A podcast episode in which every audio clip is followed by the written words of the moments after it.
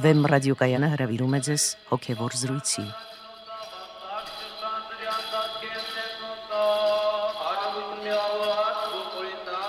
Սիրելի ունկնդիրներ, Վեմ ռադիոկայանի եթերում են արժանապատիվ Տեր Մեսրոպ Կահանա Արամյանը եւ Արա Սարգսակյան Նալչաջյանը։ Այսօրվա մեր զրույցի թեման է վստահություն եւ անվստահություն։ Օրհնեցեք Տեր հայր։ Աստված օրհնի։ Տեր հայր Սուրբ Ավետարանում այսպես է ուսուցանում Քրիստոս. Եթե Աստծո հանդեպ հավատ ունենաք, ճշմարիտ եմ ասում ձեզ, ով որ այս լերանն ասի՝ ել եւ ծովն ընկիր, եւ իր սրտում չկասկածի, այլ հավատա, թե ինչ որ ասում է կլինի, նա ինչ էլ ասի կկատարվի։ Այս վստահությունն էր, որ սուրբերից ոմանք, ինչպես օրինակ Գրիգոր Սկանչելագործի խոսքով, լեռները իսկապես շարժվել են։ Այս վստահությունն էր, որով առաքյալները իրենց խոսքով բարեփոխեցին ամբողջ աշխարհի դիմագիծը։ Արդյոք այս վստահությունն այսօր արկա է մեզանում, թե այնուամենայնիվ անվստահությանը հաջողվել է սողոսկել մեր մեջ։ Այս հարցի պատասխանն է փորձել ստանալ մեր թղթակիցը փոքրինչ ավելի մատչելի եւ այսօրվա լեզվամտածողությանն ավելի հարազատ ձևակերպմամբ։ Նա դիմել է մարդկանց, թե արդյոք նրանց կյանքում եղել են կամ լինում են պահեր, երբ նրանք իրենց ուժերի վրա վստահ չեն։ Ահա պատասխանները։ Այո, լինում են բահեր։ Ինքս ինձ վրա եղել եմ վստահ, բայց հիմա ոչ, որտեվ ելնելով ապրելակերպից, հանգամանքներից չենք կարողանում ինքներս էլ մեզ ղեկավարել։ Ոչ, միշտ ինքս ինձ վրա վստահ եմ։ Ինչ էլ անելու լինեմ, տվյալ պահին կարծում եմ ճիշտ եմ անում, իսկ հետո հոգուս խորքում մտածում եմ, ոչ սխալվեցի։ Եթե մի գործ ձեռնարկվում է, ուրեմն մարդ իր վրա պետք է վստահ լինի, իսկ եթե վստահությունը կա, գործը կատարվում է միջև վերջ եւ ավարտվում է բարեհաջող։ Այո, կա այդ զգացմունքը, որովհետև այսօր մարդը ապահովված չէ ես սոցիալապես եւ բարոյապես։ Հետևաբար ես ինքս անվստահության զգացումներ ունեմ եւ ապրում եմ այդ զգացմունքներով հաճախակի։ Լինում են, բայց հազվադեպ, որովհետեւ հիմնականում ասենք, եթե քո վրա, քո ուժերի վրա վստահություն չունենաս, ոչ մի բանի չես հասնի առհասարակ այս կյանքում։ Տերեր, ինչպես տեսանք, հարցման մասնակիցները ընդհանուր առմամբ կարևորում էին սեփական ուժերի նկատմամբ վստահ լինելու հանգամանքը։ Սակայն նրանց գալի մասը այս կամ այն կերպ նշում են նաև, որ իրենց կյանքում լինում են այնպիսի պահեր, երբ այդ վստահությունը նրանց մոտ պակաս է կամ բացակայում է։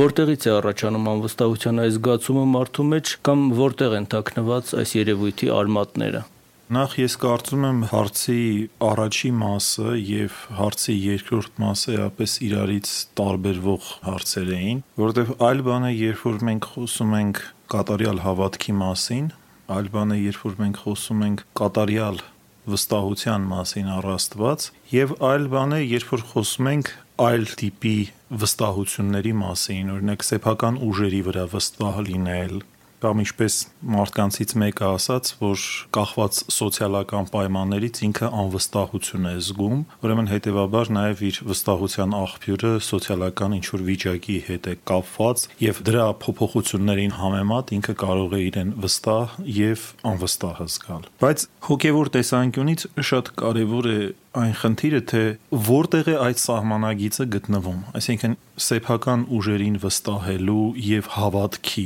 որովհետեւ երբեմն այս երկու խնդիրները կարող են շատ լուրջ նաեւ հակասության մեջ մտնել իրար հետ։ Այսինքն դու կարող ես ճափից ավելի ինքնավստահության պատճառով ուղակի հայտնվել հավատքի ոլորտից դուրս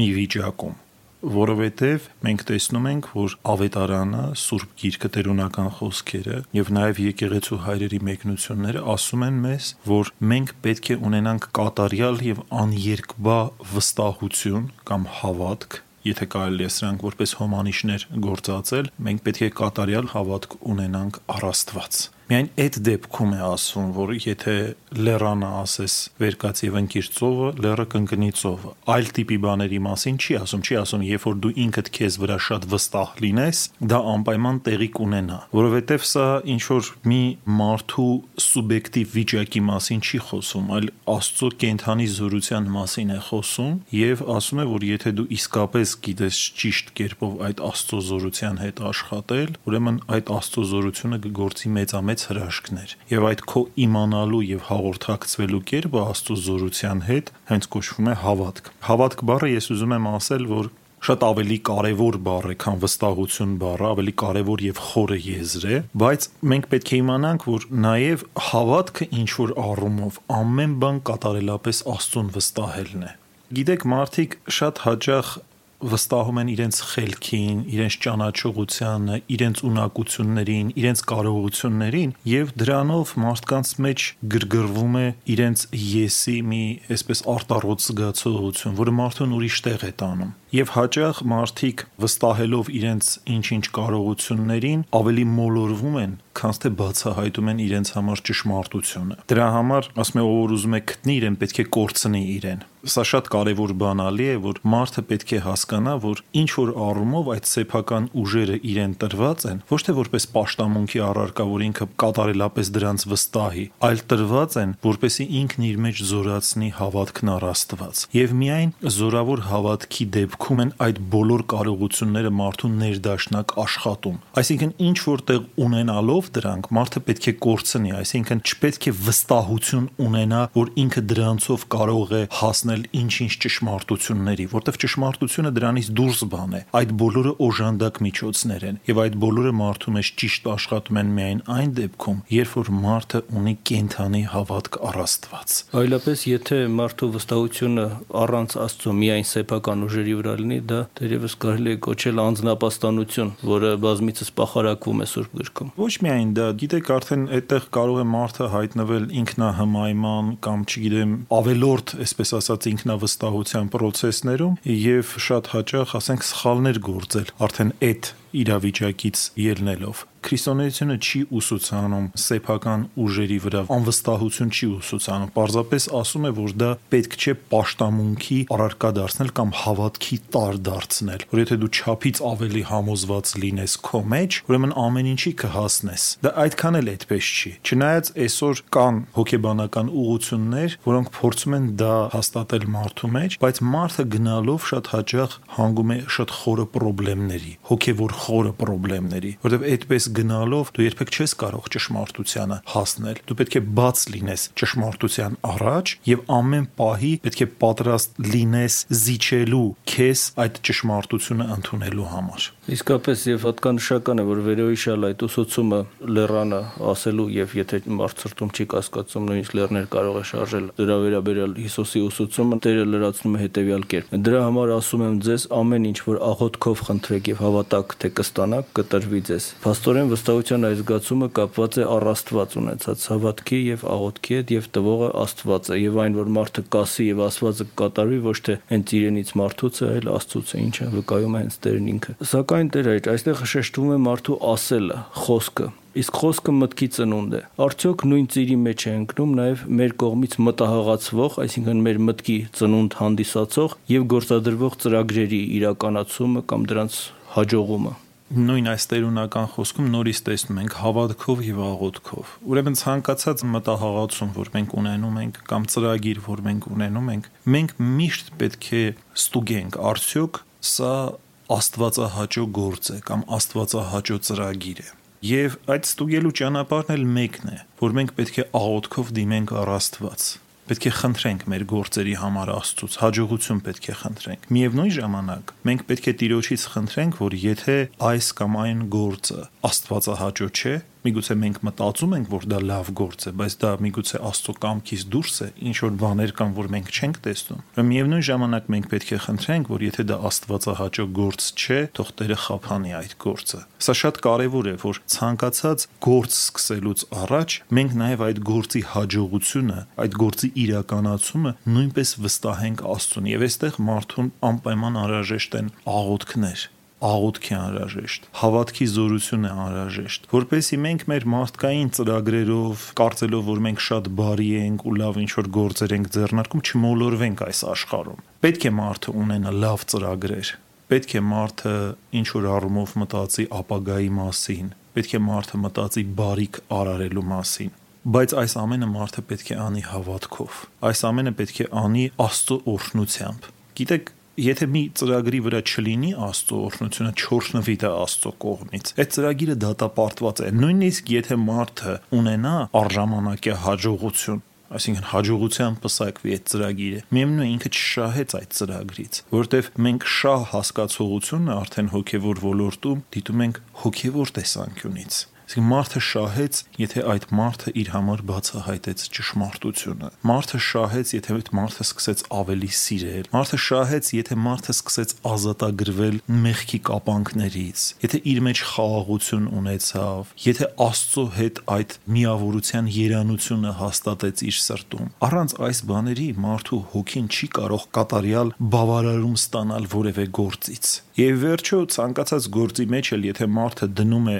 ինչ որ բացարձակ գաղափարներ, այսինքն զուտ երկրավոր դրան գործեր չեն, իր հաջողությունը մարդը փորձում է տեսնել ընդհանուր հոգևոր համատեքստում, Ուրեմն առանց հոգևորի, առանց հոգևոր հաջողության չի կարելի համարել որևէ հաջողություն, որ դա վերջնական հաջողություն է։ Այս առումով նաև պետք է ասել, որ նույնիսկ շատ հաճախ, երբ որ մարդիկ նյութական խնդիրներ են դնում, օրինակ ասենք շատ փող վաստակել, այսպեսի խնդիր են իրենց առաջ դնում։ Եթե ուշադրության բոլոր մարդկանց հարցնեք, իրենք ինչ որ տրամաբանված ձեզ պատասխաններ կտան, որ եթե իրենք շատ փող ունենան, ինչ են անելու։ Եվ մարդիկ միշտ ունեն ներքին ինքնաարթարացում, որ եթե ես շատ ինչ որ փող ունեցա, ես էս էս էս էս բարի գործերը կգործեմ։ Այսինքն բարություն պիտի գործեմ։ Ի վերջո դա ինչ որ բարիք է, որով ես բարություն պիտի գործեմ։ Եվ մենք պետք է հասկանանք, որ բարիքի աղբյուրը կատարյալ բարին ինքը Աստված է։ Մենք չենք կարող բարիք գործել այդ փողով, եթե մենք կապ չունենանք Աստծո հետ։ Ընթակառակը մենք կարող ենք այդ փողը դարձնել ճարիքի աղբյուր, եթե մենք ճունենանք հավատք, ինչպես շատ հաճախ պատահում է այս աշխարհում։ Այսինքն այդ բարիքը, որ տված է մարդկությանը, մարդը իջհարս է օգտագործում, չի օգտագործում հանուն Աստծո, այլ չար նպատակներով է գործածում։ Ի վերջո մարդ միշտ էլ որոշակի միջոցների տեր է, թե մեծ, թե փոքր եւ նույնիսկ փոքր միջոցները կարելի օգտագործել բարի նպատակների համար, ինչպես նաեւ մեծը։ Իհարկե։ Տեր հայր, Աստված մարդուն արարեց հավատքով եւ իր հանդեպ ունեցած վստահությամբ լի, որն էլ թերևս արթում էր մարդուն մի երանելի հանդարտություն եւ խաղաղություն, եւ որին, ինչպես դուք ասացիք, մարդը ցկտում է իր այդ բարի գործերով հասնել եւ պետք է հասնի, այլապես գործը կատարյալ եւ Աստծոց օրհնված չի կարող համարվել, այսինքն ճշմարտապես բարի։ Մեղանչումից հետո, առաջին մեղքից հետո այդ ամենը աղարտվեց եւ Քրիստոսով մեզ դարձյալ հնարավորություն է տրված վերականգնելու այդ ամենը։ Սակայն թե մեր առօրյա փորձը, թե մեր անցկացրած հարցումը ցույց են տալիս, որ վստահության այդ զգացումը մեր մեջ հաճախ բացակայում կամ պակասում է։ Ուրեմն ինչպես բժշկել մեր հոգիներում բացված այս վերքը։ Գիտեք, քանի որ հարցումը այդ սեփական ուժերի նկատմամբ վստահ կամ անվստահ լինելու մասին, ես ուզում եմ ասեմ, որ հոգևոր տեսանկյունից սա այնքան էլ հետաքրքիր հարց չէ։ Ես ուզում եմ ավելի մենք կենտրոնանանք, թե ինչպես պետք է մենք բացահայտենք մեր մեջ կամ ինչ ճանապարհով պետք է գնանք, որպեսզի մենք կատարյալ վստահություն ունենանք առաստված։ Սա իհարկե բավականին լուրջ ներքին ճանապարհ է։ Սա մարդուց պահանջում է նախ եւ առաջ ներքին փոփոխություն, որովհետեւ մարդկային բնության մեջ, ինչպես արդեն ասացիք, գերիշխող է դարձել մեղքի օրենքը, մեղքի իշխանությունը եւ մարդը այս մեղքի իշխանությունից կարող է ազատագրվել միմիայն Քրիստոսի փրկությամբ Քրիստոսի այդ փրկարար շնորների հետ համագործակցելով բայց որպեսի մենք կարողանանք այդ շնորների հետ համագործակցել եւ Պողոս Արաքյալի պես ասել ոչ թե ես այլ Քրիստոսի շնորհը իմ մեջ մենք պետք է լուրջ ներքին փոփոխություն ապրենք որտեվ շատ հաճախ այն բաների վրա որ մենք վստահություն ունենք իբրև թե այդ վստահությունը հոգեվորից բխող վստահություն չէ եւ հաճախ այդ վստահությունը ինչպես արդեն ասեցի ավելի տանում է դեպի մեղք քան թե տանում է դեպի հոգևոր ազատագրում մենք ներքնապես կապանքված ենք եւ այդ մեր ներքին կապանքվածությունը որը հոգևորի մեջ կոչվում է մեղքի կապանքներ շատ հաճախ նաև բերում է անվստահության անգամ տարական խնդիրներում, անգամ արտաքին կյանքում։ Ուրեմն նախ եւ առաջ մենք պետք է կարողանանք մեր մեջ ամեն բան վստահել Աստծուն։ Երբ որ մենք ամեն բան վստահենք Աստծուն, նույնիսկ մեր ամենա այն տարական խնդիրները, հոգսերը, եթե մենք կարողանանք իսկապես այդ հոգսերը վստահել Աստծուն, մենք կարող ենք ասել, որ մենք արդեն սկսել ենք շարժվել հավատքի ճանապարհով եւ աղոթքի ժամանակ, օրինակ հայրերը ուսուցանում են, որ ամենակարևոր բաներից մեկը այն է, երբ որ դու կանգնում ես աղոթքի, որ հավատաս, որ Աստված ներկա է եւ Աստված գիտի ամեն բան, ինչ որ անհրաժեշտ է քեզ, եւ ունենաս կատարյալ վստահություն, որ Աստված լուծելու է քեզ անհրաժեշտ բոլոր խնդիրները։ Եվ նույնիսկ այնինչ որ դու Աստծուց խնդրում ես, Աստված ավելի լավ գիտի, թե քեզ ինչ է պետք դու միայն պետք է կատարյալ վստահություն ունենաս, որ ինքը գիտի քո բոլոր հոգսերը եւ լուծելու է քո բոլոր խնդիրները։ Միայն եթե դու այդ ամեն ինչը եւ քո սեփական անձը վստահես Աստծուն։ Իհարկե, եթե մարդը հասնի այսպիսի ներքին իրավիճակի, մենք կարող ենք ասել, որ սա արդեն շատ լուրջ ներքին ազատագրման պահ է մարդու համար։ Սա կարող ենք նույնիսկ անգամ ներքին լուսավորություն անվանել կամ ներքին իմաստություն, որովհետեւ մարդը հասել է շատ մեծ իմաստության Եվ այդ իմաստությունը կայանում է նրանում, որ մարդը ոչ միայն հասկանում է, որ Աստված գիտի ամեն ինչ, այլ նաև ինքն իրեն հանձնում է Աստծուն։ Իմանալով դա ինքն իրեն վստահում է Աստծուն։ Եվ այդ ժամանակ Տերը ինքը կբժշկի այդ մարդու բոլոր ներքին հիվանդությունները եւ կազատագրի այն ներքին բոլոր կաշկանդումներից, որ մարդը ուներ։ Եվ մարդը նաեւ իր արտաքին կյանքում կլինի շատ ազատագրված եւ լուսավորված մարդ։ Այդ ամենը անշուշտ այդպես է Տեր հայր, սակայն այնուամենայնիվ մտահոգությունները, այդ հոգսերը սողոսկում են մեր մտքի մեջ։ Ինչպես պայքարենք ուրեմն դրանց դեմ, որպեսզի դրանք խոչընդոտ չհանդիսանան մեր ներքին լուսավորությանը միմիայն ներքին կյանքը զորացնելով դրա դեմ պայքարի ուրիշ ճանապարհ չկա չարը անընդհատ այդպիսի բաներով պայքարելու է կան այդ հոգսերը, բայց այդ հոգսերը չարը օգտագործում է անընդհատ մտքի մեջ մտահոգություններ, մտահոգություններ, մտահոգություններ, ընդཐུպ մինչև արդեն հոգեկան խանգարման աստիճան, ընդཐུպ մինչև նյարդերի, այսպես ասած, ծայրագույն լարման աստիճան եւ շատ հաճախ մարդիկ դառնում են զո այդ ամենին։ Նույնիսկ ֆիզիկապես, եթե դուք վերցնեք, ասենք 20-րդ դարի մահվան պատճառները ուսումնասիրեք, հատկապես տղամարդկանց կյանքում, կտեսնեք, որ այդ ինֆարկտ կոչվածը գերիշխող հանգամանքներից մեկն է, այսինքն ուղություններից մեկն է, որոնցով մարդիկ ուղակի մահանում են, եւ ինֆարկտի հիմնական պատճառը հաստորեն բժիշկները տեսնում են մարդու գեր լարված նյարդային այդ համակարգի մեջ, որ 20-րդ դարը հաստորեն մարդկանց համար դա ստրես ստրեսային մի դարաշրջան է եւ մարդը ուղղակի չի դիմանում։ Իսկ ինչ է նշանակում գերստրես։ Դա նշանակում է մարդկային հոգսերի ուռճացում, այսինքն մտաբանական ուռճացում։ Մարդու միտքը ուղղակի գտնվում է ահավոր լարման տակ։ Ինքը ունի տագնապի զգացողություն, ինքը հոգսերի լուծում չի տեսնում եւ այլն, որովհետեւ անընդհատ մարդու միտքը գրգռված է։ Եվ մարդը չի կարողանում բեռնաթափվել այդ ստրեսից, չի կարողանում այդ լարումից բեռնաթափվել, եթե ինքը հավատք չունի։ Իսկ եթե հավատք ունենա, ինքը ունի արդեն այդ ստրեսից բեռնաթափվելու բնական մեխանիզմ, որտեղ ինքը շատ հաճախ անմիջապես տեսնում է, որ այդ կենցաղային հոգսին զուգակցված է մի ահրելի արհեստական ստրեսային բեռ, որով չարը ջանում է իրեն կործանել։ Եվ ինքը հրաժարվում է դրանից, չի ընդունում պարզապես դա, վստահելով ամեն բան Աստծուն։ Մենք տեսնում ենք հավատքը ինչպիսի հզոր նաև մեխանիզմ է պայքարելու անգամ մարդկանց կներեք այս ճումայի պես հնձող այդ ինֆարկտի դեմ, որովհետև մարդը ազատագրվում է այդ ստրեսային լարումից, ձեռք է բերում ներքին խաղաղություն եւ նաև այն վստահությունը, որի մասին որ դուք հարցրեցիք։ Դեր հայր մենք խոսեցինք առաստված ունեցած այդ վստահության մասին, սակայն մեր արժեվ հաճախ ծառանում է նաև այլ մարդկանց հանդեպ վստահության խնդիրը։ Մասնավորապես այսօր հաճախ է խոսում վստահության հասարակության մասին։ Արդյոք Սուրբ Գիրքը որևէ հստակ դիրքորոշում հայտնում է այս մասին։ Սուրբ Գիրքը ունի մերձեցման երկու ուղղություն։ Ախ համար առաջի ուղղությունը դա մարդաբանական պատկերն է պատմության, որտեղ առաջի պլանում է մարդը, մարդու փնտրումները եւ մարդու կոչումը եւ ինչպես պետք է վերաբերվել մարդուն։ Մարդը Աստծո պատկերն ու նմանությունն է Եվ անշուշտ, երբ որ մենք վերաբերվում ենք մարդու հետ, մենք պետք է յուրաքանչյուր մարդու մեջ հարգենք այդ Աստծո պատկերը եւ նմանությունը եւ հետեւաբար մենք պետք է որոշակի վստահություն ունենանք մարդու նկատմամբ, բայց վստահությունից առավել պետք է սեր ունենանք մարդու նկատմամբ։ Սակայն այդ սիրո զգացման մեջ դեպի մարդը մենք չպետք է մոռանանք, որ մարդը ենթակա է ինչ-ինչ մեղքերի եւ մարդը հնարավոր է որ գործի որոշակի խարդախություններ, մարդը կարող է ճարիք գործել եւ նաեւ Սուրբ Գիրքը մեզ ուսուցանում է իմաստություն, խորագիտություն է ուսուցանում, որպեսի արդեն մենք զոհ չդառնանք դիմացինի մեջ շատ հաճախ գործող ճարի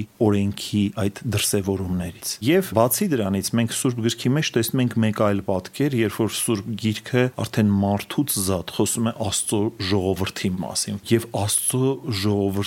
միջև հաստատված մարդկային հարաբերությունների մասին, որի կատարյալ օրինակը փաստորեն Աստծո ժողովրդի դա Քրիստոսի եկեղեցին է, որտեղ արդեն այդ մարմնի բոլոր անդամները որոշակի օրենքով, որոշակի ներքին ներդաշնակությամբ կապված են իրար հետ։ Եվ այդ ներդաշնակությունը նախ եւ առաջ հաստատված է Քրիստոսի փրկարար շնորներով, բայց մյուս կողմից եկեղեցու արդեն սրբազան խորհուրդներով, որ գործում են եկեղեցում եւ որ Քրիստոսի շնորհի կենթանի արգասիքն է եւ մյուս կողմից էլ մարդկային յուրահատուկ փոխհարաբերություններով։ Եվ այդ մարդկային յուրահատուկ փոխհարաբերությունները կայանում են նրանում, որ մարդիկ իրար համար աղոթում են որ մարդիկ իրար նկատմամբ գործում են ողորմության գործեր։ Օրինակ ողորմության գործերը դա շատ յուրահատուկ հարաբերություն է, որովհետև այդտեղ արդեն դու գործում ես բացարձակ բարիք առանց որևէ ակնկալության դիմացինից, որ նա ինքը պետք է պատասխանի այդ բարիքին։ Սուրբ Գիրքը մեզ ուսուցանում է ուղակի բարիք գործել մարդկանց նկատմամբ առանց որևէ հետադարձ ակնկալության եւ անպայման մարդկանց համար աղոթել։ Սա հարաբերությունների մի տեսակ է կամ կարող ենք ասել մի դրսևորում է, որը կարող է շատ հաճախ ընդունված չլինել հասարակության մեջ, բայց մենք կարող ենք ասել, որ ճշմարիտ հասարակության մոդելը, եթե մենք ուզում ենք հասկանանք հասարակությունը ինչ է, ընդհանրապես մարդիկ ինչի պետք է իրար հետ լավ փոխհարաբերություններ ունենան եւ այլն, ճշմարիտ հասարակության մոդելը դա հենց Քրիստոսի եկեղեցին է։ Եվ առանց եկեղեցագիտական ըմբռնման մենք չենք կարող վերլուծել խորը հասկանալ ինչ-ինչ հասարակական երևույթներ կամ հասկանալ թե որն է ընդհանրապես մարդկային հասարակության իդեալը Դեր այ դուք բերեցիք եկեղեցու օրինակը, սակայն եկեղեցում նույնպես ել չեմ ասում ընդհանրապես ամբողջ հասարակության մեջ հաճախ են պատահում դեպքեր, երբ ասենք վստահում ես մեկ ուրիշի, սակայն քեզ փորձում են խაფել չարաշահելով այդ վստահությունը։ Ուրեմն ինչպես վարվել, ինչ չափով այդ վստահությունը կարող է լինել կամ ինչ կարգով։ Ինչպես արդեն ասացի, այո, կարող են չարաշահել, կարող են անգամ քեզ խափել, բայց դրանից չպետք է փոխվի քո վերաբերմունքը մարդու նկատմամբ, որտեվ այդ դեպքերում դու ունես հստակ ուսուցում խորագետ լինելու։ Երբեմն նույնիսկ ասենք սրբության շատ բարձր աստիճաններում հայրերը ուրախացել են, որ իրենց խափել են անգամ։ Արդեն սա կախված է մարդու ներքին իրավիճակից։ Օրինակ շատ սքանչելի պատմություն կա Հարանց վարքում, երբ որ գողերը գալիս են մի ծերի խուցը թալանելու եւ նրանք ամեն բան վերցնում են գնում են եւ մոռանում են մի բահ տանել իրենց հետ եւ այնուհետեւ այդ ծերը վերցնում է այդ բահը վազում է այդ գողերի հետևից եւ ասում է դուք մոռացաք սա էլ վերցնել ձեզ հետ սա արդեն ոչ թե խափվածություն է այլ բացարձակ սեր է մարդկանց նկատմամբ նույնիսկ անգամ այն ճարիքը որ մարդիկ գործադրում են քո հանդեպ դու անգամ դրա մեջ ես տեսնում բարիք եւ պետք է ուղակի իմաստություն ունենալ եւ պետք է ճիշտ վերաբերվել մարդկանց։ Օրինակ հասարակ հարց։ Այսօր փողոցներում ծաղկում է այս մուրացկանությունը։ Բայց եթե ուշադիր լինենք մենք, մենք կտեսնենք, որ այդ մուրացկանությունը փաստորեն վերածվել է մի անճորնի բիզնեսի փողոցներում։ Մինչդեռ կան շատ ավելի կարիքավոր ընտանիքներ, որոնք ուղակի դուրս չեն գա փողոցում ողորմություն խնդրելու։ Եվ հայրերը մեզ ուսուցանում են, որ եթե դու ինչ որ մեկին բարիք ես գործում եւ տեսնում ես ինչ որ ձևով, որ ինքը այդ բարիքը իչարս է գործադրելու, պետք է չտաս այդ բարիքը։ Օրինակ, եթե դու որևէ մեկին փող ես տալիս եւ տեսնում ես, որ նա պետք է գնա խմիչք գնի, հարբեցող է, բայց ողորմություն է փողոցում խնդրում, ուրեմն պետք է զգուշանաս այդպիսի ողորմություն անելուց։ Ողորմություն անելիս պետք է խորագետ լինես եւ տեսնես, եթե չես տեսնում, այդտեղ դու մեղք չունես, բայց պետք է ամեն դեպքում զգուշանալ։ Եվ ես կարծում եմ, որ այդ ոչ զգուշությունն է բերում նրան, որ այսօր փողոցներում դա հասել է մի ահավոր տձև, այսպես ասած, դրսևորման, երբ որ տեսնում ես ուղակի ասենք, որ դա արդեն ոչ թե իսկապես ողորմություն խնդրող մարդիկ են, այլ շատ հաճախ դա վերածված է բիզնեսին եւ ինչ որ թաղերի են բաժանել իրար մեջ կամ հատվածների են բաժանել եւ հավանաբար այդ իրենց ստացած երշահույթներից նաև ինչ որ հատկացումներ են կատարում իրենց հովանավորողներին։ Մինչդեռ կան շատ հստակ, ասենք, անխնամ ընտանիքներ կամ ծերանոցներ կան կամ մանկատներ կան, որտեղ մարդը կարող է գնալ եւ իր բարի գործերը գործել։ Մենք պետք է զգուշանալ, այսինքն անպայման քրիստոնեությունը մեզանից պահանջում է խորագիտություն, անպայման։ Շնորհակալություն Տեր հայր, թույլ տվեք սրանով եզրափակել մեր այսօրվա զրույցը վստահության եւ անվստահության մասին։ Սիրելի ունկնդիրներ, իմ զրուցակիցն էր արժանապատիվ Տեր Մեսրոպ Քահանա Արամյանը։ Օրհնեցեք Տեր հայր։ Աստված օրհնի։